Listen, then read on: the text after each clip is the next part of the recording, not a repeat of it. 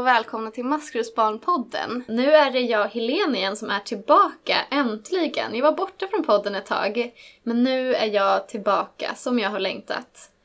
Eh, och idag så har jag med mig min kollega Maria. Hej Maria! Hej! Det är jättekul att få vara med här idag. Ja, eh, och du jobbar ju här på Stockholmskontoret med mig. Vad är det du gör här?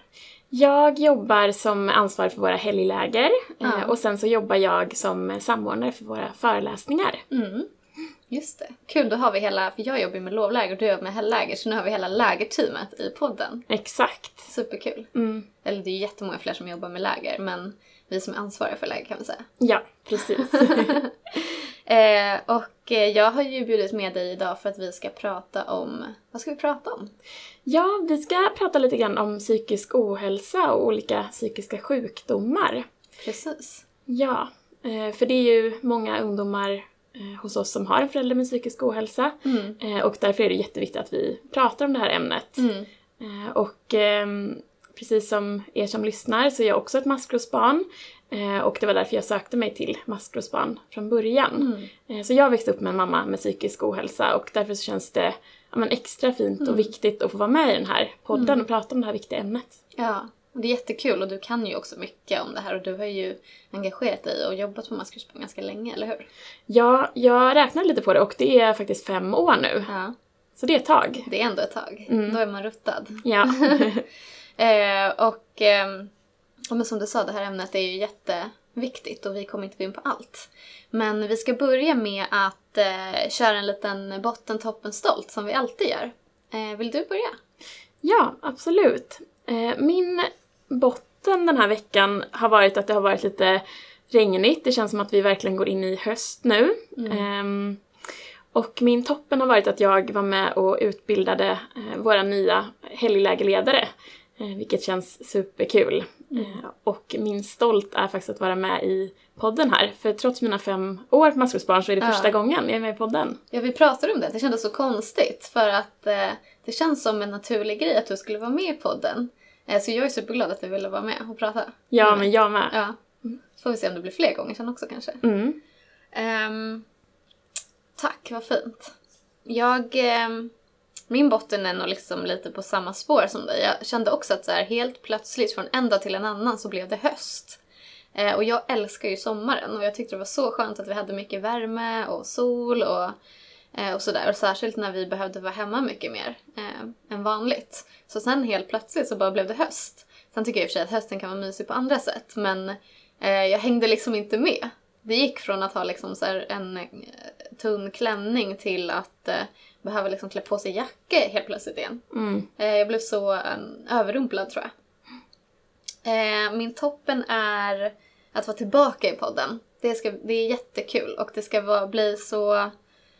Ehm, det känns så bra att vi ska prata om det här också just nu. Det känns som att det är, är, behövs. Och ehm, stolt är jag över... mm, vi hade ett väldigt roligt torsdagsmys igår eh, i Stockholm. Jag vet att de hade kul i Malmö och Göteborg också, men jag är ju med på torsdagsmysen i Stockholm.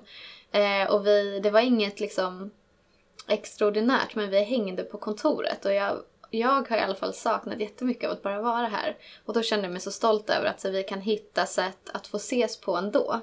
Eh, när, det, när vi är liksom i en sån här pandemi som vi är i. Och eh, jag vet att vi har pratat lite i, i tidigare avsnitt om corona och, och ångest och sådär, så har ju Denise och Linn pratat lite om det. Eh, men jag tänker att vi kommer lämna corona nu för ett tag. Eh, för vi har pratat så mycket om det och det kommer säkert liksom dyka upp lite sådär ibland eftersom att det påverkar oss fortfarande. Men eh, vi tänker att det är viktigt att prata om de här andra ämnena som vi ju faktiskt gör i vanliga fall också på Maskrosbarn. Mm. Eller hur? Ja, men verkligen. Mm. Håller med. Vi får inte glömma bort dem för de finns ju fortfarande kvar. Eh, Ja. Alla de andra problemen eller behoven man har, de kanske till och med är ännu, behövs ännu mer nu Mm. eh, än innan tänker jag. Mm. Verkligen. Mm. Och eh, vi har för länge sedan i podden tror jag pratat om psykiska sjukdomar. Eh, psykisk ohälsa och missbruk tror jag vi har pratat om tidigare i podden. Men vi tänkte att vi skulle ta ett litet nytt tag och prata om eh, psykiska sjukdomar i ett helt avsnitt. Mm. Precis. Vad skulle du säga liksom att sjukiska, sjukiska, psykiska sjukdomar är för någonting? Ja, eh, man brukar ju prata om psykisk ohälsa som ett, eh, Just det. Men ett större begrepp. Mm. Liksom.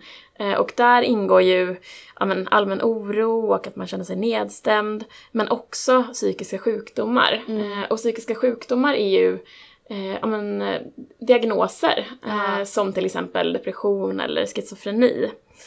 Ehm, Ja, precis. så det kan man väl säga är skillnaden. Ja. ja, men precis. Och psykisk ohälsa är någon slags stort begrepp för att må dåligt psykiskt. Ja, Men det exakt. kan man göra på olika sätt. Precis. Men det, det som jag tycker är lite så här, det som kan vara lite svårt är att man kan ju må psykiskt dåligt men var liksom gränsen går för att det här är en psykisk ohälsa eller det här är bara något normalt liksom. Precis. Hur ska man veta? Ja, men det där är ju jättesvårt. Mm. För alla kan ju känna sig ledsna eller nedstämda eller så. Och det är ju helt naturligt. Det kan ju vara en del av livet bara. Ja. Eh, men man brukar säga om det har hållit i sig liksom en längre tid, att Mm. då kan man börja prata om psykisk ohälsa och att man Precis. kanske behöver söka hjälp för det. ja. Och psykisk ohälsa behöver ju inte heller alltid vara en diagnos eller så. Nej, Eller någonting som är permanent, alltså att, att det liksom kommer vara för hela livet. nej, precis. Så Precis. det är bra att komma ihåg. Verkligen. Och vi kommer väl prata lite mer om eh, olika psykiska diagnoser. Ehm, och så här, för det känner nog många utav oss och er som lyssnar kanske igen från att en förälder kanske har en diagnos eller att man kanske inte har en diagnos men för att den inte har fått hjälpen men att man kanske känner igen sig i att den, det är något som inte riktigt stämmer. Precis, och då kan det vara så att man känner igen vissa av de här Ja. eh, symptomen som vi tar upp eller så. Ja men precis. Eh, det kan ju också vara så att man känner igen dem hos sig själv. Ja Ehm, och då kan det vara jätteviktigt att prata med någon vuxen så att Mm. man får rätt hjälp. men verkligen. Och det finns ju jättemånga olika diagnoser så vi kommer bara vi kommer inte prata om alla för det kommer inte vi hinna. Nej. Det bli jättelångt Ja, avsnitt. får vi sitta här hela dagen Ja. och det orkar inte ni lyssna på. Nej. Eh, Men vi kommer prata om några vanliga kanske som vi har sett att många ungdomar som vi träffar kanske eh, har erfarenhet av hos Mm. föräldrar eller anhöriga på olika sätt. Precis. Mm. Mm. Och vi tänkte börja prata om depression och Mm. det är ju säkert en diagnos som ni alla känner igen. Mm. För det är ju ganska vanligt. Eh, Ja. Ja, depression är supervanligt. Alltså jag eh, känner igen mig både i att så här, andra i min närhet har det, att jag kanske själv har känt mig deprimerad i mitt liv och, och sådär. Det känns som en, en vanlig eh, diagnos, men kanske också vanligt att man säger ehm, man säger så här, jag är deprimerad eller jag är deppig. Eh, så det Precis. inte alltid är liksom den diagnosen depression liksom. Nej precis, det har blivit som en synonym för att vara ledsen eller sådär. Men det är Ja. inte, det är inte riktigt samma sak. För om man är deprimerad så är det eh, känslor som håller i sig under en lång tid, som vi var inne på tidigare. Ehm, och det är vanligt att man känner sig ja, mycket skuldkänslor och ångest, Ja. hopplöshet. Man kan få väldigt svårt att göra som vardagssaker. Ja, Man kan få svårt att ta sig till skolan eller jobbet, Ja. svårt att gå ut, alltså gå och handla. Man kanske bara mest ligger på soffan och vilar precis. för att man inte orkar något annat. Liksom. Många som har depression är väldigt trötta. Mm, Ehm, dels för att de kanske sover dåligt eller så sover de jättemycket mer. Ehm, men det är någonting som gör att man inte orkar och många som har depression kan också brukar säga att man kanske inte har lust till saker längre på samma sätt. Man tycker inte att det är lika kul att göra saker man annars brukar tycka är roligt. nej, Det brukar ju vara ett precis. typiskt tecken i att så här, men det är inte roligt att träffa mina kompisar längre fast ju egentligen så vet ju jag att jag älskar att vara med mina kompisar. Mm, och att det skulle må bra av det. Mm. Men man orkar bara inte. Nej, precis. Mm. Eh, och man kan ju vara deprimerad på, i olika grader liksom. Man kan ju liksom ha en lätt depression och vissa har en djup depression och klarar liksom inte av någonting alls och behöver verkligen mycket hjälp då för att kunna må bättre. Ja, precis. Men hur kan det vara om man har en förälder som... Mm.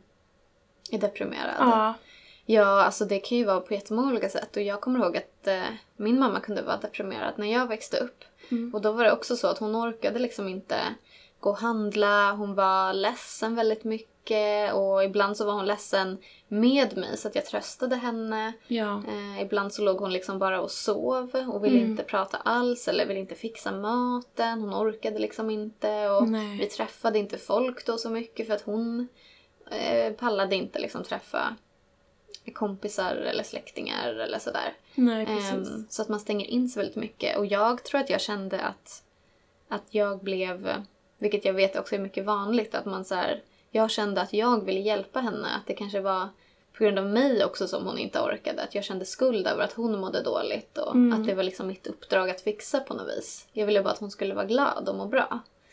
Eh, Men att det liksom aldrig gick. Vad jag än gjorde så hjälpte inget. Nej, precis. Och det kan man ju verkligen säga är en skillnad om man, om man, om man är ledsen eller om man är Ja. deprimerad. Alltså att det är en, eh, en diagnos där man behöver eh, jättemycket stöd och hjälp ofta Mm. för att må bättre. Sen kan det vara saker som händer i livet som påverkar att man får en depression. Eh, Om man är Precis. med om något stort trauma eller en sorg eller något sånt där. Ja, Men det är liksom aldrig en person som kan orsaka nej. att en annan blir deprimerad. Utan det handlar väl om att man inte har tillräckligt med verktyg för att hantera eh, det som händer eller så.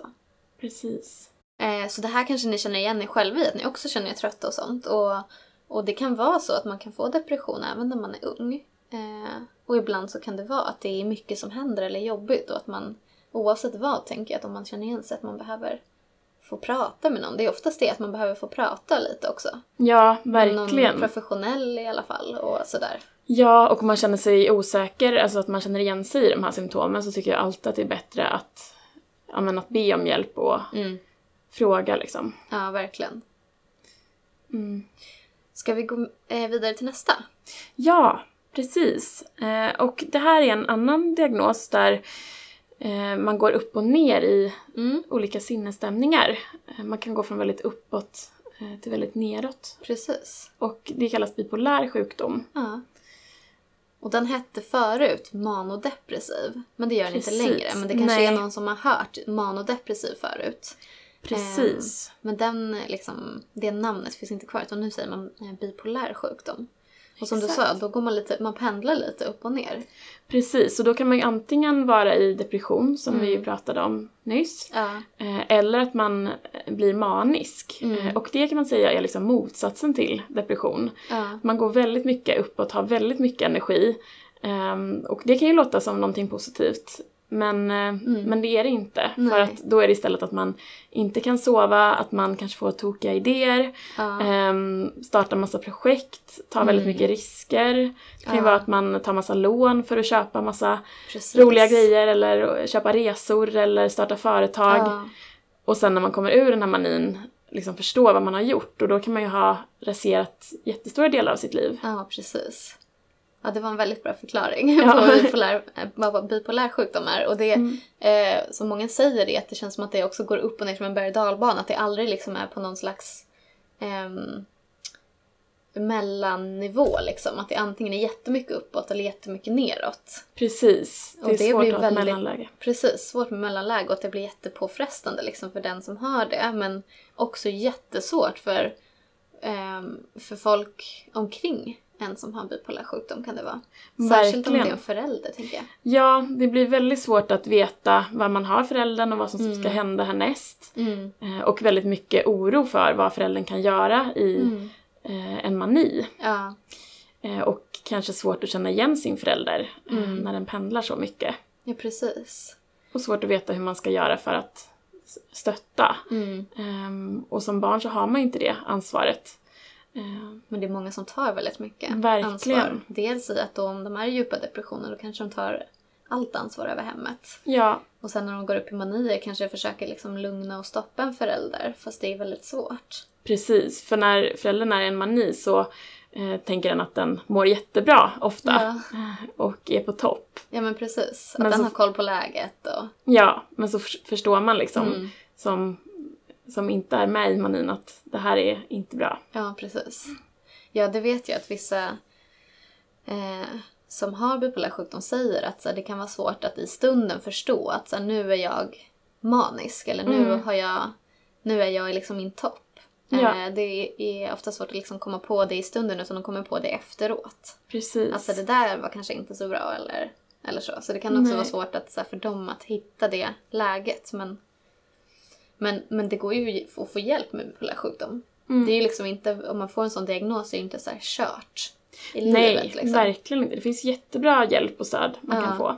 Ja, Eh, Så det kan ju också vara någon av er som känner igen sig i det här. Och då Mm. finns det ju eh, massa Ja. hjälp. ja, Precis. Mm. Eh, och jag vet att de brukar inte vara så...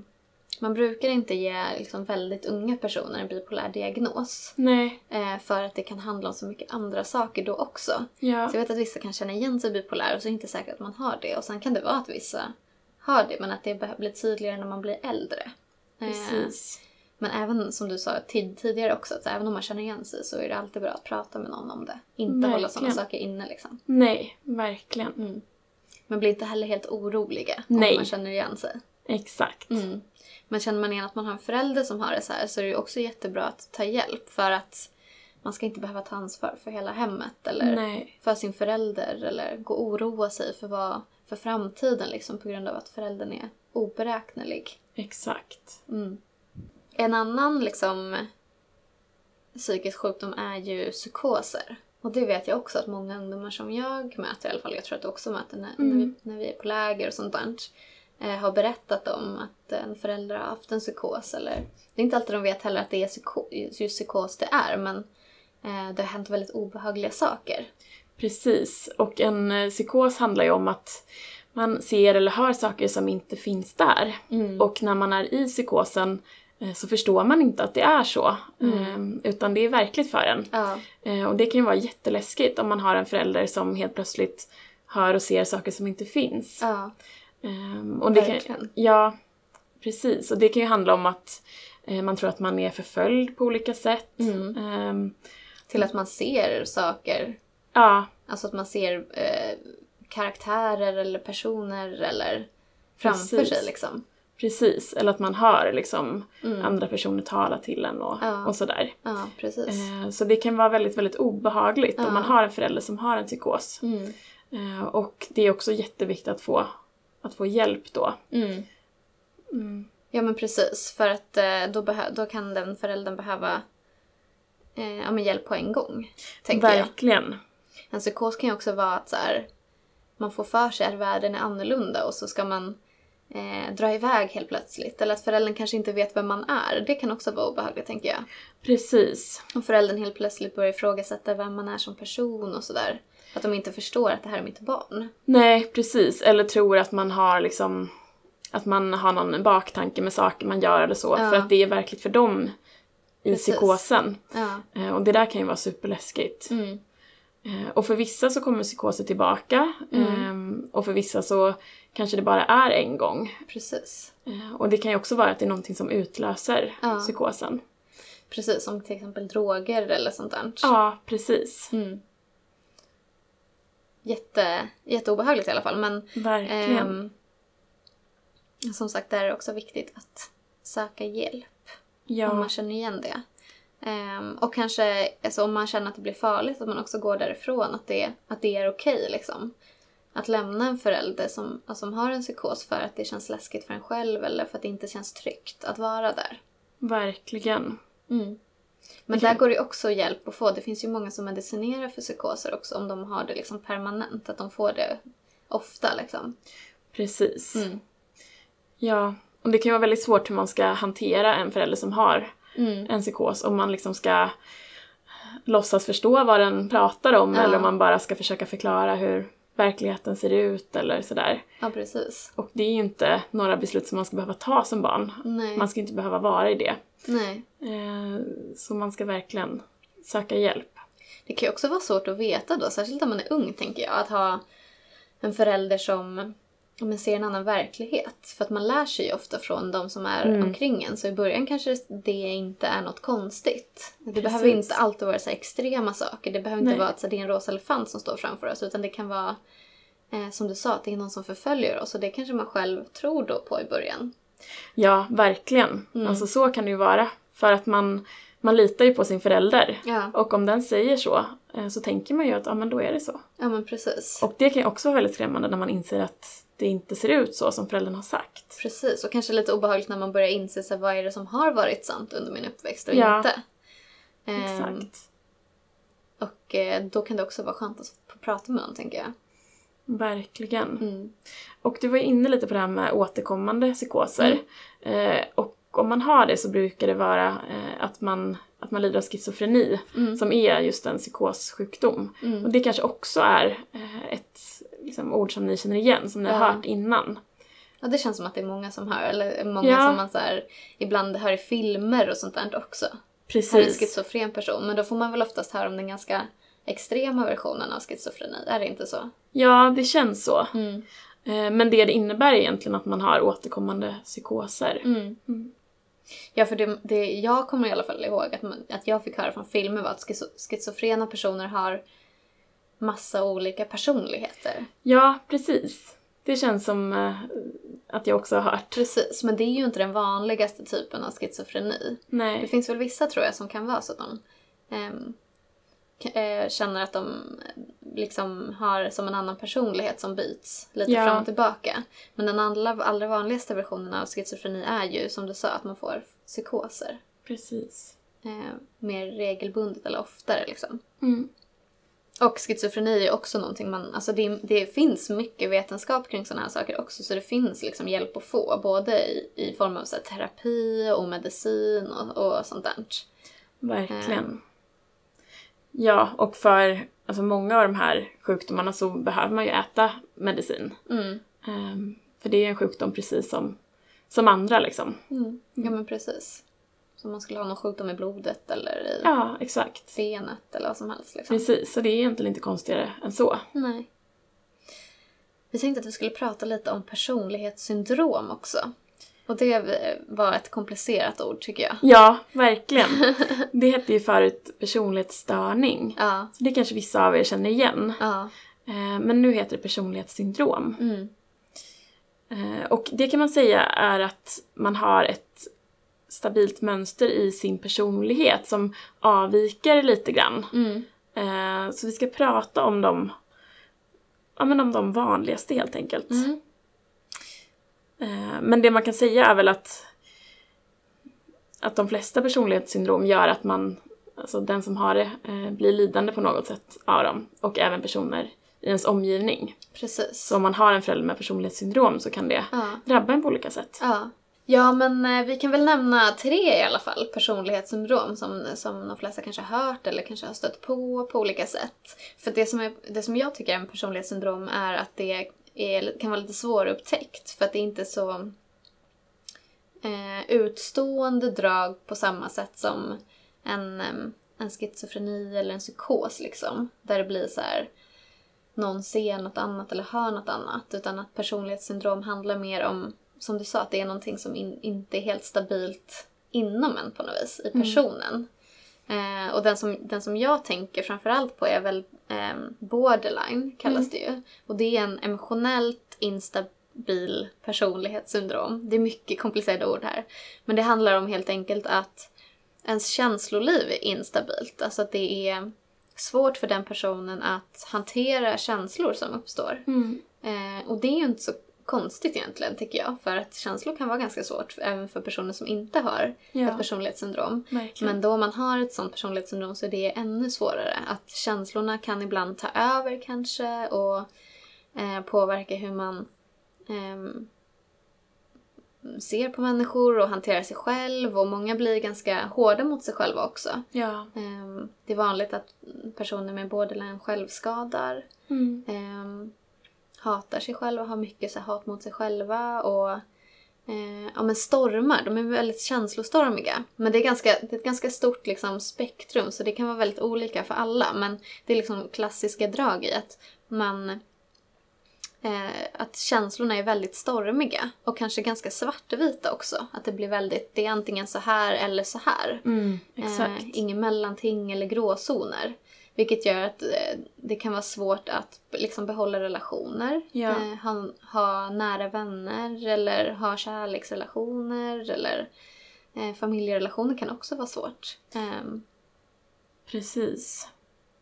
Eh, och jag tänker bara ska säga det att man kan ju känna igen sig i många av de här. Alltså att man har, alltså det, att det kanske ja, svårt att hantera eh, mycket känslor och precis. eh, att man kan vara väldigt hård mot sig själv och så. Men det är också vanligt att känna så om man har en förälder som mår dåligt och man har haft det jobbigt hemma.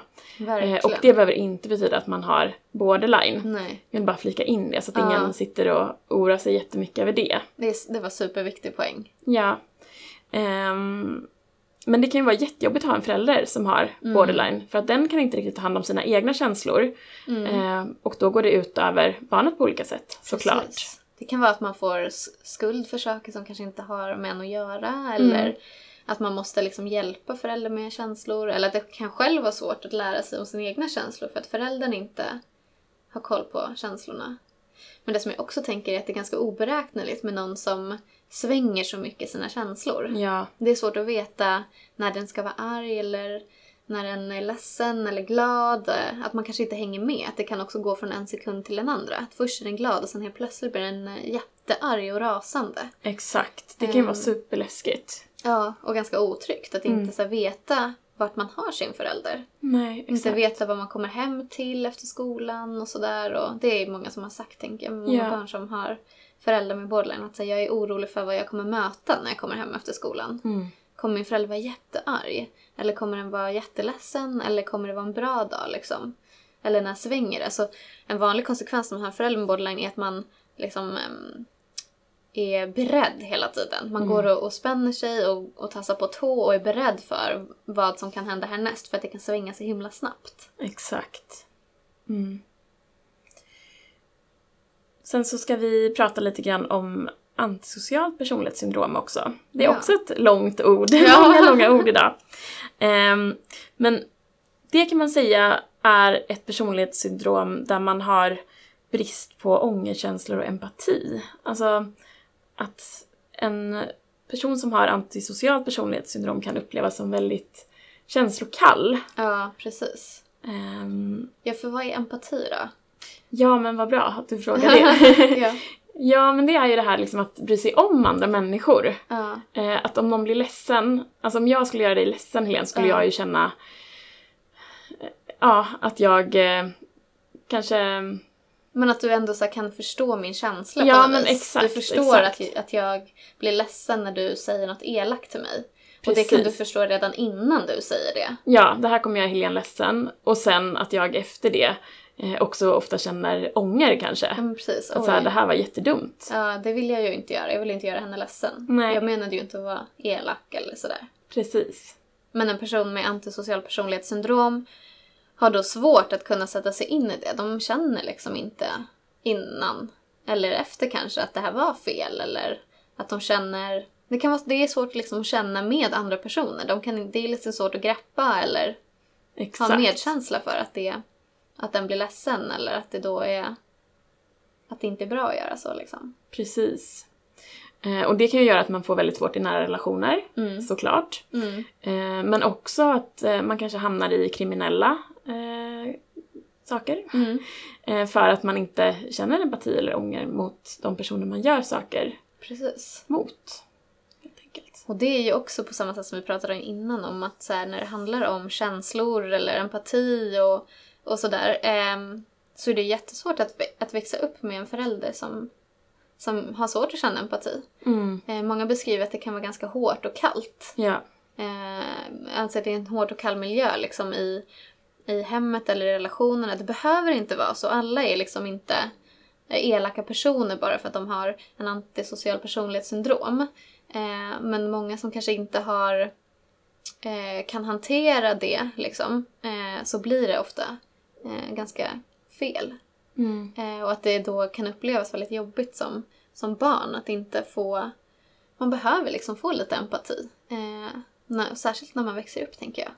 Eh, och att det då kan vara... Det kanske finns ganska höga krav eller att man inte kan prata så lätt om saker hemma och sådär. Eh, känna att man gör fel eller kanske faktiskt är med om så här ganska elaka situationer. Mm. Precis. Mm. Och sen har vi det tredje eh, personlighetssyndromet som vi skulle prata om och det är eh, narcissistisk personlighetssyndrom. Precis. Och det handlar ju om att, att ha en men uppblåst självbild, Ja. eh, vilket också låter krångligt. Men det är att man eh, verkar kanske tycka väldigt bra om sig själv ja. och så här, eh, framhäver olika saker som man har gjort eller vem man Mm. är och sådär. ja. Eh, Men det som man kanske inte vet då är att det bottnar ofta i en väldigt låg självkänsla. Mm. Alltså att man inte tycker så mycket om sig själv. Eh, Men precis. att man genom att då liksom eh, hävda sig själv på olika sätt. Ja. Eh, hantera den här låga självkänslan. Precis. Det blir ju på något sätt som att de det centrerar bara kring den personen. Liksom. Ja. Den utgår från sig själv bara. Och så här, till ett sätt så gör väl alla det lite grann. Att så här, man ser saker från sitt eget perspektiv och, och så. Men någon som, det blir liksom ännu mer om man har en narcissistisk eh, eh, diagnos. I Mm. att så här, man kanske snarare ser sig själv eller världen som en del av en själv snarare än att man, man är en del av världen på något vis. Precis. Ehm, Och ungdomar som har en förälder med narcissistiskt personlighetssyndrom brukar beskriva att det ofta är att liksom tassa på tå runt föräldern eh, Mm. för att inte kränka den. Eh, för det är Precis. ofta så att man är väldigt lättkränkt. ja. Eh, och att eh, liksom, den föräldern då kan säga saker till en själv som man absolut inte skulle kunna säga Nej. till föräldern. Ja. Eh, det blir väldigt o, ojämlikt liksom och svårt att hantera en sån här person. ja, men precis. Och att man kanske också alltid hamnar i andra hand Ja, ehm, när man eh, växer upp på det sättet. Att det liksom aldrig blir barnets behov i centrum egentligen. precis. Ehm, ja. Ja, och jag tänker med de här också att det ofta hör till liksom att man har svårt att förstå Mm. att det, alltså att så man är inte är helt som det ska. Ja. Eh, vilket gör att det blir jättesvårt att prata om eller hantera. Mm. Ja, verkligen. Eh, och alla de här sakerna är ju jättesvåra att liksom leva med på olika Ja, sätt. verkligen. Ehm, det betyder inte att det liksom är hopplöst för folk som får såna här diagnoser som vi har sagt hela tiden egentligen. Att det går att få hjälp men det kan vara eh, ganska svårt att hitta hjälp. Precis. Ehm, det kan vara ehm, dels liksom svårt för föräldrar att inse att så här, det här är någonting som jag behöver hjälp med. Eh, och då, då söker man inte hjälp och då upptäcks det kanske inte. Nej. Ehm, så jag, jag möter många ungdomar och, eh, och vet själv att så här, ehm, man kanske inte alltid vet att ens förälder har en diagnos eller så har man misstankar om att så här, min förälder kanske har en sån här diagnos. Men det är Mm. många som har oupptäckta eh, psykiska sjukdomar. Eh, för att det är svårt att eh, få eh, hjälp. Eller så här, svårt att få kanske rätt vård också sen när man väl tar sig dit. Eh, det handlar så himla mycket om för att det, det vi har sagt nu är så ganska generella drag kring de Ja, här sjukdomarna. Så, exakt. så det kan ju också vara ganska individuellt hur den här sjukdomen påverkar en person och, och de runt omkring också såklart. Mm. Eh, och därför kan det behövas att man testar lite olika saker för att hitta rätt typ av vård. För föräldern alltså. Ehm, Precis. Men det som vi varit inne på, som jag tycker Mm. att vi ska bara trycka ännu mer på, Ja. är att man inte kan göra sin förälder frisk. Gud vad bra att du säger det. Ja, men att, så här, att ha en, eh, en psykisk sjukdom eller ett personlighetssyndrom Mm. är ingenting som man som barn kan göra någonting åt. Nej, Utan det är föräldern som måste söka och få rätt hjälp. precis. Det handlar inte om att man måste ändra på sig själv eller sin egen personlighet för att det ska bli bättre eller för att föräldern ska må bra liksom. Nej. Eh, och det är jättevanligt att känna så när man växer upp. Att så här, jag, bara om jag ändrar på mig eller om jag bara är snällare eller duktigare så, så kommer det bli bra. Så tänkte jag i alla fall. Jag med. Jag Mm. trodde att allt handlade om mig. Att Ja. så här, men om jag gör så här då så kanske mamma blir glad. Exakt, ja. Men så är det ju inte. Nej. Eh, Och där tycker jag att det är ganska bra att jämföra med fysiska sjukdomar. Mm. Eh, Att så här, jag hade inte tänkt så om min mamma hade en fysisk sjukdom. Nej, Eh, Men det är så lätt att tänka bara för att det är psykiskt så kan man göra någonting ja men verkligen. Liksom, i sin person för att ändra det. Men det går inte. Verkligen. Nej, det gör inte det. Ehm, och när vi ändå är inne på liksom sjukdomar och vi, vi, vi pratar ju all, ofta liksom om missbruk och psykiska sjukdomar tillsammans på maskrosbarn. Mm. Och det är ju för att vi liksom ser att man får liknande konsekvenser av att växa upp så. Man Ja. påverkas på ungefär liknande sätt. Eh, Så när vi ändå är inne på det så kan vi också säga att missbruk, alltså när man har ett beroende av en eh, av alkohol eller droger och sådär, när det liksom är ehm, ja, men man är helt beroende av det, det, det räknas också som en sjukdom. Mm. Ehm, det är liksom bestämt i en sån här allmän sjukdomsbok som finns och som, som läkare och liksom Världshälsoorganisationen har kommit fram till Mm. att det är. Så det räknas också som en, en sjukdom. Men vi kommer prata mer om det i ett annat avsnitt. Det får liksom ta Den, den ska få ett eget avsnitt helt enkelt. Precis. Så får det bli. Ehm, och vi har ju varit inne lite på så hur det blir för en när man växer upp med en förälder som har olika diagnoser. Ehm, men vi kanske ska prata lite mer om så här, de här konsekvenserna som man kan få. Precis. Eh, Det kan ju vara väldigt många och Mm. väldigt olika beroende på vem man är och på vilket sätt ens förälder är sjuk. Ja. Men något som var tydligt för mig var att jag, eh, alltså en av de första sakerna som hände var att jag började få väldigt svårt att sova. Mm. Eh, för att jag oroade mig så mycket för hur mamma mådde. Mm. Eh, och det har jag också jättemånga ungdomar som säger att det, Ja. det är svårt att sova. Svårt att somna och så vaknar man kanske mycket på natten. Ja. Och det i sin tur ledde till mig, att, eller för mig, att jag fick svårt att koncentrera mig i skolan. Mm. Ehm, och ehm, det är också jättevanligt. Och det är inte konstigt. Alltså, om man inte har sovit på natten och sen sitter i skolan och tänker så här, vad gör mamma nu? Mm. Det är inte så jättekonstigt att det är svårt att koncentrera sig då. Verkligen inte. Eh, och att en sån typ av oro blir ändå så stor liksom. Och det är inte alls eh, märkligt att det, att det är det man tänker på på en lektion liksom. Nej, verkligen inte. Och speciellt om man inte har sagt till någon hur det är. Mm. För då tänker man att hela ansvaret ligger på mig. Ja men precis. Eh, och det blir jättefel. Ja. Och så kanske man tänker också mer på föräldern än vad man tänker på sig själv och då Mm. hamnar skolarbetet i andra hand eller ens eget mående kanske hamnar i andra hand. Eh, men det ska det inte behöva göra utan ens eget mående ska få komma i första hand även när det handlar om familjemedlemmar också liksom. Verkligen. Eh, många tar ju också hand om sina föräldrar, alltså Mm. praktiskt. Ja, Man lagar mat, man diskar, städar, tar hand om syskon, eh, handlar, eh, hjälper till på massa olika sätt. Tröstar föräldrar eller eh, måste bråka kanske mycket hemma och sånt där. Och, mm, eh, man kanske inte hinner göra läxor av den anledningen eller sådär. Ehm, precis. och, och också liksom något som är gemensamt för många av de här är ju att det känns ganska otryggt och oberäkneligt hemma. Ehm, Verkligen. Det är väl något som nästan alla säger. Ja, Och som jag också upplevde. Mm. Att det blir väldigt oberäkneligt och otryggt. men Man vet inte vad som ska hända. Mm.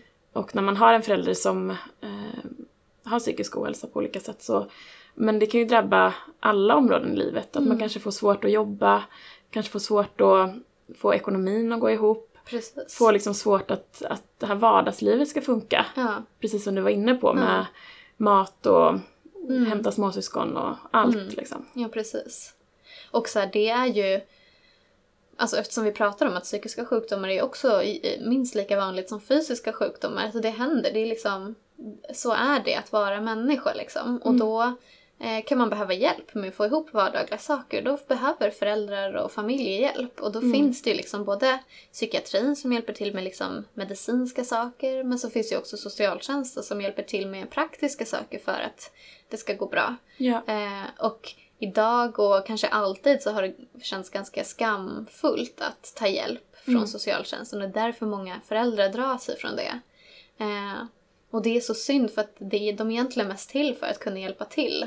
Eh, än när det inte funkar. För, för att det är ju så att det gör inte alltid det. Det är Nej. bara så det är liksom. Och det är inte att någon är sämre än någon annan egentligen. Nej, saker händer i livet och Exakt. då behöver vi hjälpa varandra och finnas där. Precis. Mm.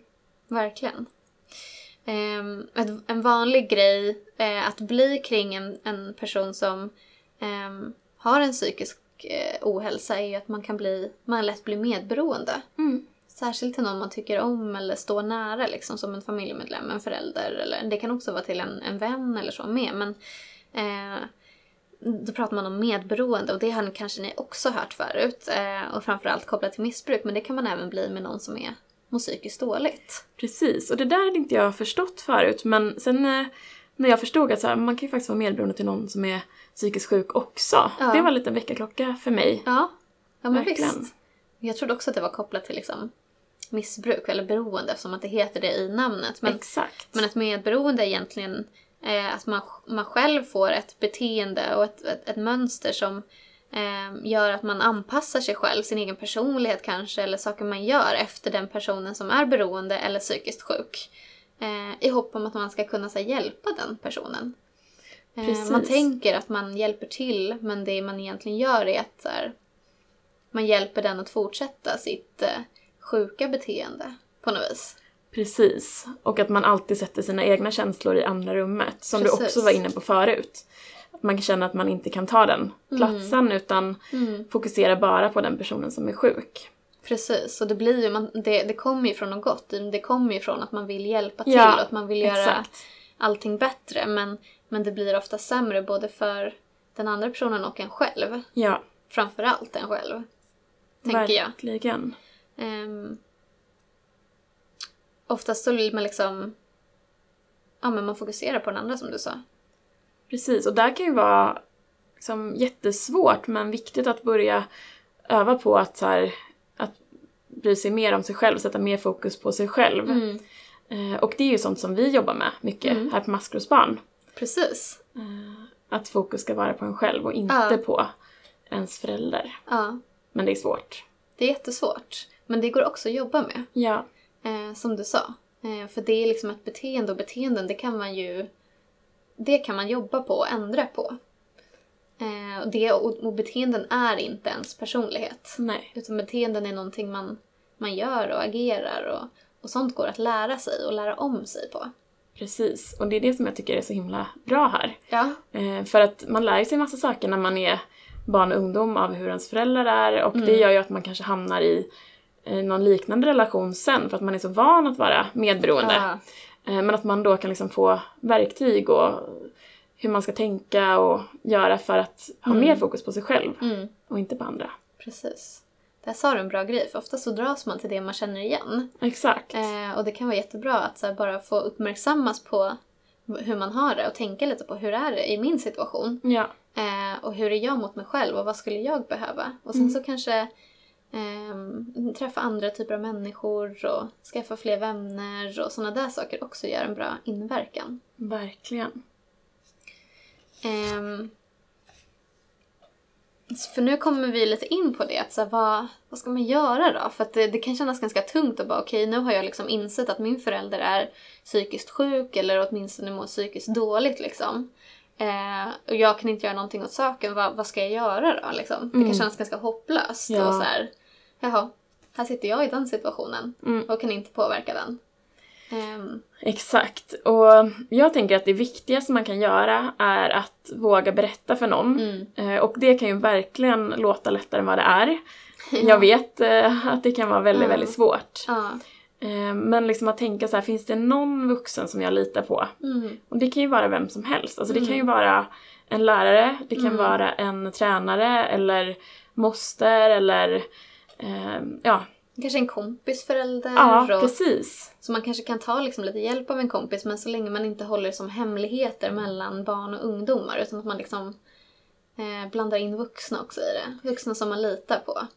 Precis, för det finns massa bra hjälp att få. Ja, Även om det precis. ibland kan vara svårt att få rätt hjälp så Verkligen. finns den där. Verkligen. Och så här, det, det man kan göra om man tycker att det är läskigt är att man börjar med lite grann. Man kan berätta lite grann för någon för att se om det kändes okej eller om den tog det på ett hyfsat bra sätt och sådär. Eh, och sen så även om, det, om man känner att det inte finns någon i ens närhet man kan lita på eller prata med så finns ju alltid olika professionella man kan prata med. Mm. Till exempel någon kurator på skolan eller kurator på ungdomsmottagningen eller man kan eh, höra av sig till oss till exempel Ja. på olika sätt och det ska vi också komma in på. Precis. Men finns det någonting mer man kan göra liksom? Så jag tänker att det är jätteviktigt att komma ihåg hela tiden, Mm. även om det inte känns så, att det inte är ens ansvar. Mm. Alltså det är inte ert ansvar att er förälder är sjuk. Mm. Och att det är just en sjukdom som man Ja. inte kan göra någonting åt som barn. Mm. Det tänker jag är så här.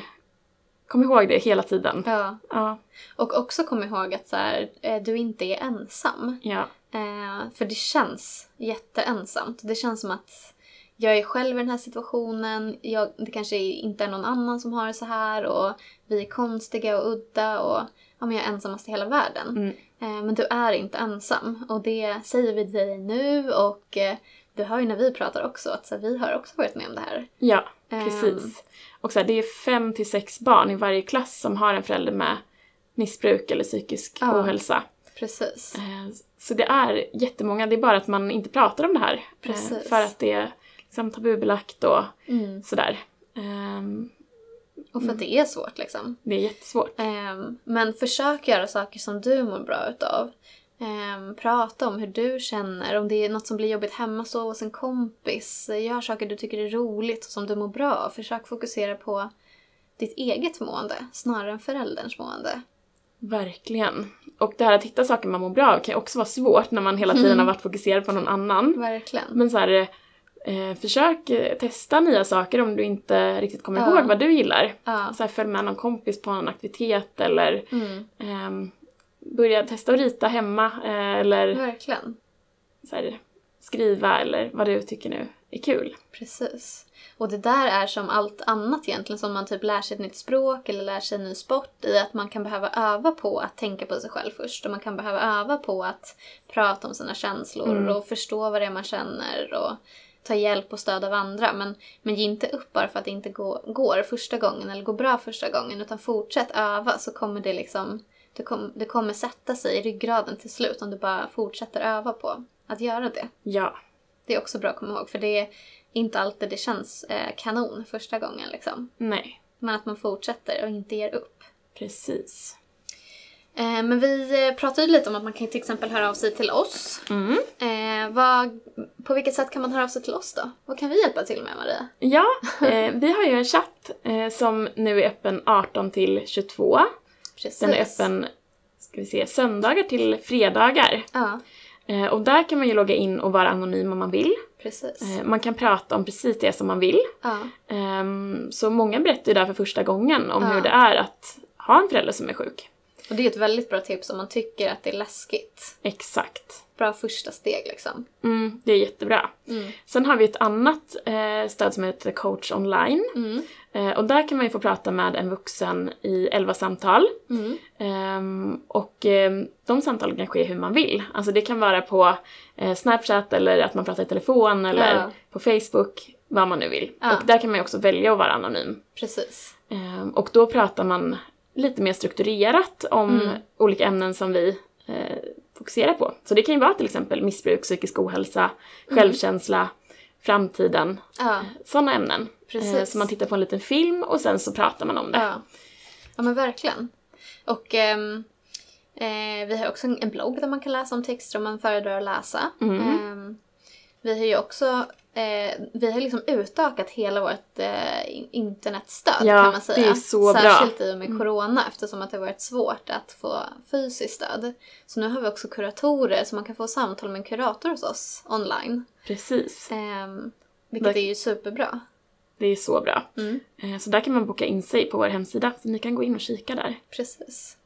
Men eh, om man bor liksom i närheten av någon av våra kontor Mm. i Stockholm, Göteborg eller Malmö så kan man också komma på våra torsdagsmys. Och det är ungefär som en ungdomsgård som vi har varje torsdag. Mm. Eh, och då gör vi olika saker. Vi äter alltid middag tillsammans och sen ser vi lite olika aktiviteter. Och det kan vara allt ifrån att vi testar på en ny sport eller går på bio eller bara är på våra kontor och spelar spel eller kollar på en film och sådär. Mm. Eh, och där får man också höra av sig till någon av dem på kontoren. Eh, det finns också på hemsidan.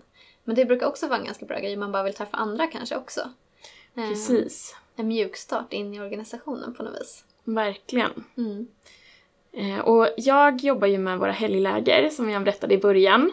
Ehm, Så jag tänkte att jag kan berätta lite mer om vad det är. Men gör gärna det. Ja. Det kanske inte är helt lätt att fatta Nej, exakt vad ett läger är liksom.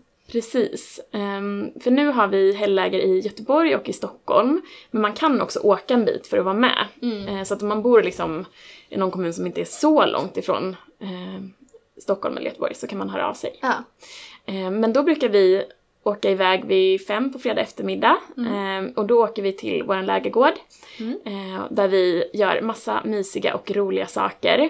Så vi brukar fira en högtid på varje läger. Eh, Så en helg har vi liksom födelsedagshelg. Mm. Eh, Så då får alla frukost på sängen och paket. Eh, Vi har tårtbakartävling och Mm. ja, massa roliga grejer. Och sen firar vi jul och nyår och Mm. allt möjligt. Eh, Men vi pratar också jättemycket på läger. Ja. Så vi har något som heter arbetsgrupp på både lördag och söndag. Så då brukar man sitta ungefär fyra ungdomar och en eller två ledare eh, och prata om olika teman. Mm. Eh, och det kan ju också vara typ relationer eller missbruk och psykisk ohälsa Precis. eh, och göra övningar och så. Precis. Och sen har man också ledardejt, så man pratar med en vuxen i en Ja. timme. Ehm, Så och det är mycket så här kunskap varvat med att ha kul. Ja. Eller hur? Verkligen. Och vi gör ju också massa roliga aktiviteter. Mm. Alltså vi pysslar och leker, paddlar kanot, Mm. åker iväg, gör grejer. Ja. Så, här. så det brukar vara jättekul. Ja. Och Det brukar vara typ 15 ungdomar Mm. eh, och kanske 7-8 ledare. Ja, det är ju så kul. Vi har ju båda varit på Ja. helgläger själva och det blir också mycket så häng och att man lär känna varandra på ett helt annat sätt och man får kompisar och ja, det är jättefint. Verkligen. Och många kan ju tycka att det är läskigt innan man har åkt liksom, för att man ska Mm. träffa massa människor som man inte har träffat innan. Ja. Men alla är så fina och, Ja. och snälla. Alltså samma sak på torsdagsmys. Att det är Ja. så här, så fort man kommer fram så Ja. är det en väldigt varm och fin känsla. Precis, och det tycker jag är så himla häftigt för, för så är det ju på lovlägren också som är för ungdomar i hela Sverige. Mm. Eh, Som är bara, den är bara på sommaren, hösten och julen. Men att så här, Att det kan vara så nervös men att den, det känns som att den släpper så himla snabbt. Jag blir alltid så liksom förundrad och imponerad över det. Hur, hur snabbt det går att liksom våga bli kompisar. Alltså det, de, Ja. blir så här, de blir kompisar så snabbt de som är på läger känns det som. Mm. Eh, och även om det är liksom en, någon som har varit här förut eller känner någon sedan innan så känns det som att alla blir så välkomnade. Och det tycker jag är så Verkligen. fantastiskt att se. Det är så fint. Och många säger också att det är så skönt att träffa andra som har, ja, men, Mm. som har det på liknande sätt som en själv hemma. Ja, Det är jättebefriande. verkligen. Det tycker jag nog har varit en av eh, det som har hjälpt mig mest i att kunna få träffa andra och prata med andra som liksom fattar på ett helt annat sätt. Hur det, hur det faktiskt kan kännas och hur det faktiskt kan vara. Verkligen. Det är ju egentligen lite liksom hela idén med maskrosbarnsorganisationen också. Att få träffa andra i sin ålder men också vuxna som fattar liksom hur det är. Precis. För alla som jobbar på torsdagsmys och våra läger och alla våra stöd är ju Mm. själva maskrosbarn. Precis. Precis som vi. Ja. Det är ett krav vi har för att få engagera sig. Ja, det är så bra. Mm. Det är superbra. Ja. Men vi har ju fler stöd, eller hur? Ja, precis. Jag bara babblade på om läger för jag tycker det är så kul. Ja. Nej, men vi har ju också något som heter coach. Ja. Eh, och det kan man ha i Stockholm och Göteborg och snart i Malmö. Mm. Eh, och jag har jobbat jättemycket i vårt coachprogram så det här tycker jag också är väldigt kul att få Precis. berätta om. Ja. Ehm, I coachprogrammet så får man träffa en vuxen en gång i veckan Mm. i mellan ett till tre år. Mm. Två timmar i veckan. Ja, det är så bra. Mm. Ehm, och då får man um, så här, varannan vecka göra något kul med sin Mm. coach. Så det brukar vara att man går och bowlar eller går på bio eller vad man nu tycker är roligt. Ja. Och sen varannan vecka så har man en tematräff och då jobbar man också med alla viktiga ämnen som vi pratar om. Eh, Så det kan ju också vara självkänsla och relationer. Mm. Ja. Och så gör man övningar och pratar med sin coach. Och coacherna är ju också då såklart själva maskrosbarn. Mm. Eh, Och vi försöker alltid matcha coacher eh, och ungdomar utifrån vad man har för intressen och vem man är så att det ska bli en bra matchning. Mm. Men är det så att man känner här, nej men det blev inte helt hundra, då kan man alltid byta coach. Ja. Det är också så bra. ja, det är jättebra. Och eh, att man, eh, det känns som att det som är så himla bra med Rowan också att det går att liksom anpassa ganska mycket ut efter vad ungdomen själv behöver, eller hur? Exakt. Ja. Det är jättebra. Mm. Ehm, och det ska jag också säga att både coachprogrammet och helgläger är insatser som går via socialtjänsten. Mm. Eh, men då får man hjälp av oss att söka. Just det. Eh, så då hjälper jag Mm. eh, för helgläger och eh, min kollega Mia för coachprogrammet. Precis. Och även om det kan kännas läskigt, oavsett vad man har för erfarenheter av socialtjänsten eller inte, så kan man ju alltid höra av sig till dig, eller hur? Ändå. Ja, Och bara verkligen. typ bolla lite vad ni tänker kring det och ställa frågor om hur det går till och sånt där, så kan du berätta mer om den processen liksom. Exakt. Precis. Men om man nu vill liksom få kontakt med dig eller mig eller Mia eller någon Mm. så går man ju bara in på hemsidan maskrosbarn.org. Ehm, och vår hemsida är ny, en ny Ja, fräsch hemsida. Den är helt ny, den är så fin. Den är jättefin, så jag tror att den ska vara ganska enkel att hitta rätt till. Eh, och är det inte så så går det bra att mejla den första mejladressen ni hittar så kommer ni liksom bli lotsade rätt. Ja, precis. Mm. Ehm, var det någonting annat vi liksom ville tipsa om? Men jag tänkte bara att vi skulle säga någonting om barnombud. Ja, För det glömde vi. Just det. Eh, vi har ju något som heter barnombud som jag tycker är så bra. Mm. Ehm, Det är eh, personer som jobbar hos oss eh, som är socionomer och tidigare har jobbat på socialtjänsten. Precis.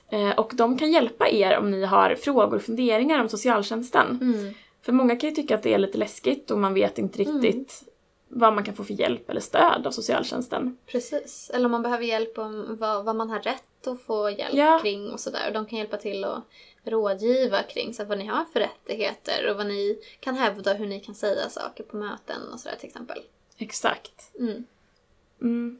Så det tänkte jag bara säga någonting om. Men det var så, bra. Ja. Men sen så finns det ju också andra ställen där man kan läsa mer om det som vi har pratat om idag. Olika Precis. psykiska sjukdomar, diagnoser. Um, 1177 är faktiskt jättebra. Ja. Ehm, det är liksom, Vårdguiden. Ja, Vårdguiden. Där finns massa bra information om olika sjukdomar Mm. om man vill liksom fördjupa sig lite. Precis, jag tror att de också brukar skriva ut lite så vart man kan få hjälp om man känner igen sig i det. Både som eh, om man känner igen sig i symptomen men också om man är anhörig till någon som har sånt. Precis. Eh, Så det är en bra sida av den anledningen. Mm. Mm. Och sen finns ju också ungdomsmottagningen, Mm. eh, umo.se. Precis. Där kan ni se vart ni kan få hjälp i eran kommun. Ja, precis. För ungdomsmottagningar brukar ha faktiskt väldigt bra hjälp. Det brukar finnas både kuratorer och psyko- psykologer och Ja. sådär. Precis, och de mm, kan ju mycket om olika saker också. Verkligen. Jag tror att umo.se också skriver liksom om annan typ av stöd med. Mm. Eh, Så det kan vara en bra sida av den anledningen. Precis. Socialtjänsten har vi pratat om, men de ska ju kunna hjälpa till. Och socialtjänsten har något som heter också socialjouren, om det skulle vara någonting efter kontorstid. Ja. Så att det alltid går att kontakta socialtjänsten på ett eller annat sätt. Liksom. Mm. Ehm, och eh, det kan man bara googla på. Socialtjänsten och så skriver du ditt, din kommuns namn eller socialjouren och din kommuns namn så kommer det komma upp information och telefonnummer och sånt där att ringa. Precis. Och också jättebra att så här, skulle det vara något akut eller om du är i fara nu eller någonting som händer, du behöver hjälp här och nu liksom, då ska man alltid ringa 112. Ehm, Ja, det är alltid bra verkligen. att påminnas om. Det vet ni säkert, men det är ändå bra att påminnas om. Verkligen. Mm. Mm. Det var kanske det. Ja, nu har vi pratat jättemycket. Ja, så Och det är för att mycket. vi tycker så mycket, eh, eller vi tycker att det är så viktigt att man får kunskap om sådana här saker. För jag tycker i alla fall att när jag har fått lära mig mer om sådana här saker så kan jag lättare förstå mig själv och jag Mm. kan lättare liksom ta hjälp av det jag behöver. Ja, Eh, och det är det som vi vill liksom eh, ge till er också. Vi vill att ni ska få kunskap. Men som sagt, det finns ju jättemycket mer att hämta. ja, verkligen. Men vi hoppas att ni kanske har fått lite mer kött på benen. Det hoppas jag också. Ja. Och att ni hör av er om ni har några funderingar eller frågor. Precis, det är bara att höra av sig. Mm. Vad kul att du kunde vara med mig, Maria. Vad kul att du Ja. liksom ville ehm, eh, hjälpa mig att prata om de här sakerna som du, både du och jag tycker är så viktiga. Ja, men det var jättefint. Ja. Jätte, jättefint. Bra första gång i podden för Ja. mig. Du får vara med fler gånger hoppas jag. Det skulle vara jätteroligt. Ja, men det hoppas jag också. Har du någonting som du skulle vilja här, skicka med ungdomarna? Ett sista ord liksom innan vi avslutar? Jag vill nog bara trycka en gång till på att det inte är ert fel Mm. att er förälder är sjuk och att Mm. ni inte kan påverka det. Mm. Eh, och att jag tycker att ni är supermodiga och starka och att bara genom att lyssna på den här podden så gör Ja. ni något jättebra för er själva. Ja. För att ni lär er massa bra grejer. Mm. Gud vad bra sagt. Jag kunde inte sagt det bättre själv. Tack så jättemycket Maria. Ehm, hoppas ni alla har en bra dag och eh, så kommer vi prata mer om liknande teman i nästa poddavsnitt. Tack för oss. Tack så mycket! Hej då! Du kan klättra så högt som du vill. Det är ditt liv, ingen annan säger till. Sikta mot toppen, dit du vill nå. Fortsätt att kämpa, du vet att det går. Du kan klättra så högt som du vill. Det är ditt liv, ingen annan säger till. Sikta mot toppen, dit du vill nå. Fortsätt att kämpa, du vet att det går. Det finns så mycket skit som händer hela tiden. Men vi är skapta för att överleva livet. En svår uppväxt med rädsla och hat. Men vi var för små för att kunna slå tillbaks. Gått igenom smärta och tårar dag för dag. Men vi lever än idag för vi är maskrosbarn Vi kämpar för att kunna ta oss vidare. Vi är starka, tillsammans är vi krigare. Vi borde inte skämmas, vi ska vara stolta. För det finns folk som inte fattar hur vi orkar.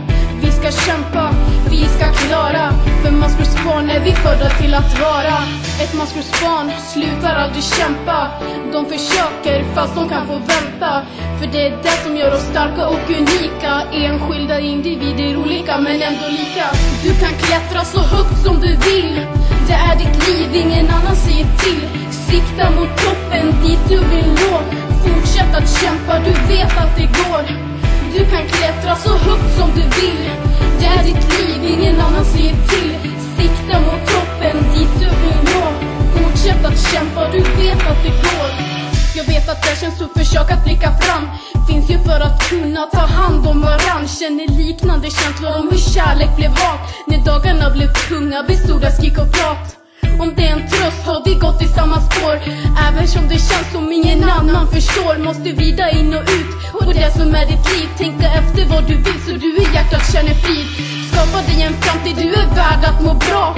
Kolla på Therese och vad hon blivit idag. Hon har varit som du, legat i botten på ett hav. Men kämpade sig upp och skapade maskrosbarn Hennes ord är så sanna, precis som hon sa. Även om man mått väldigt dåligt kan man må väldigt bra. Vi vet att du klarar, vi vet att du kan. Det är aldrig för sent, bara greppa någons hand. Du kan klättra så högt som du vill. Det är ditt liv, ingen annan säger till. Sikta mot toppen, dit du vill nå. Fortsätt att kämpa, du vet att det går. Du kan klättra så högt som du vill. Det är ditt liv, ingen annan säger till. Sikta mot toppen, dit du vill nå. Fortsätt att kämpa, du vet att det går.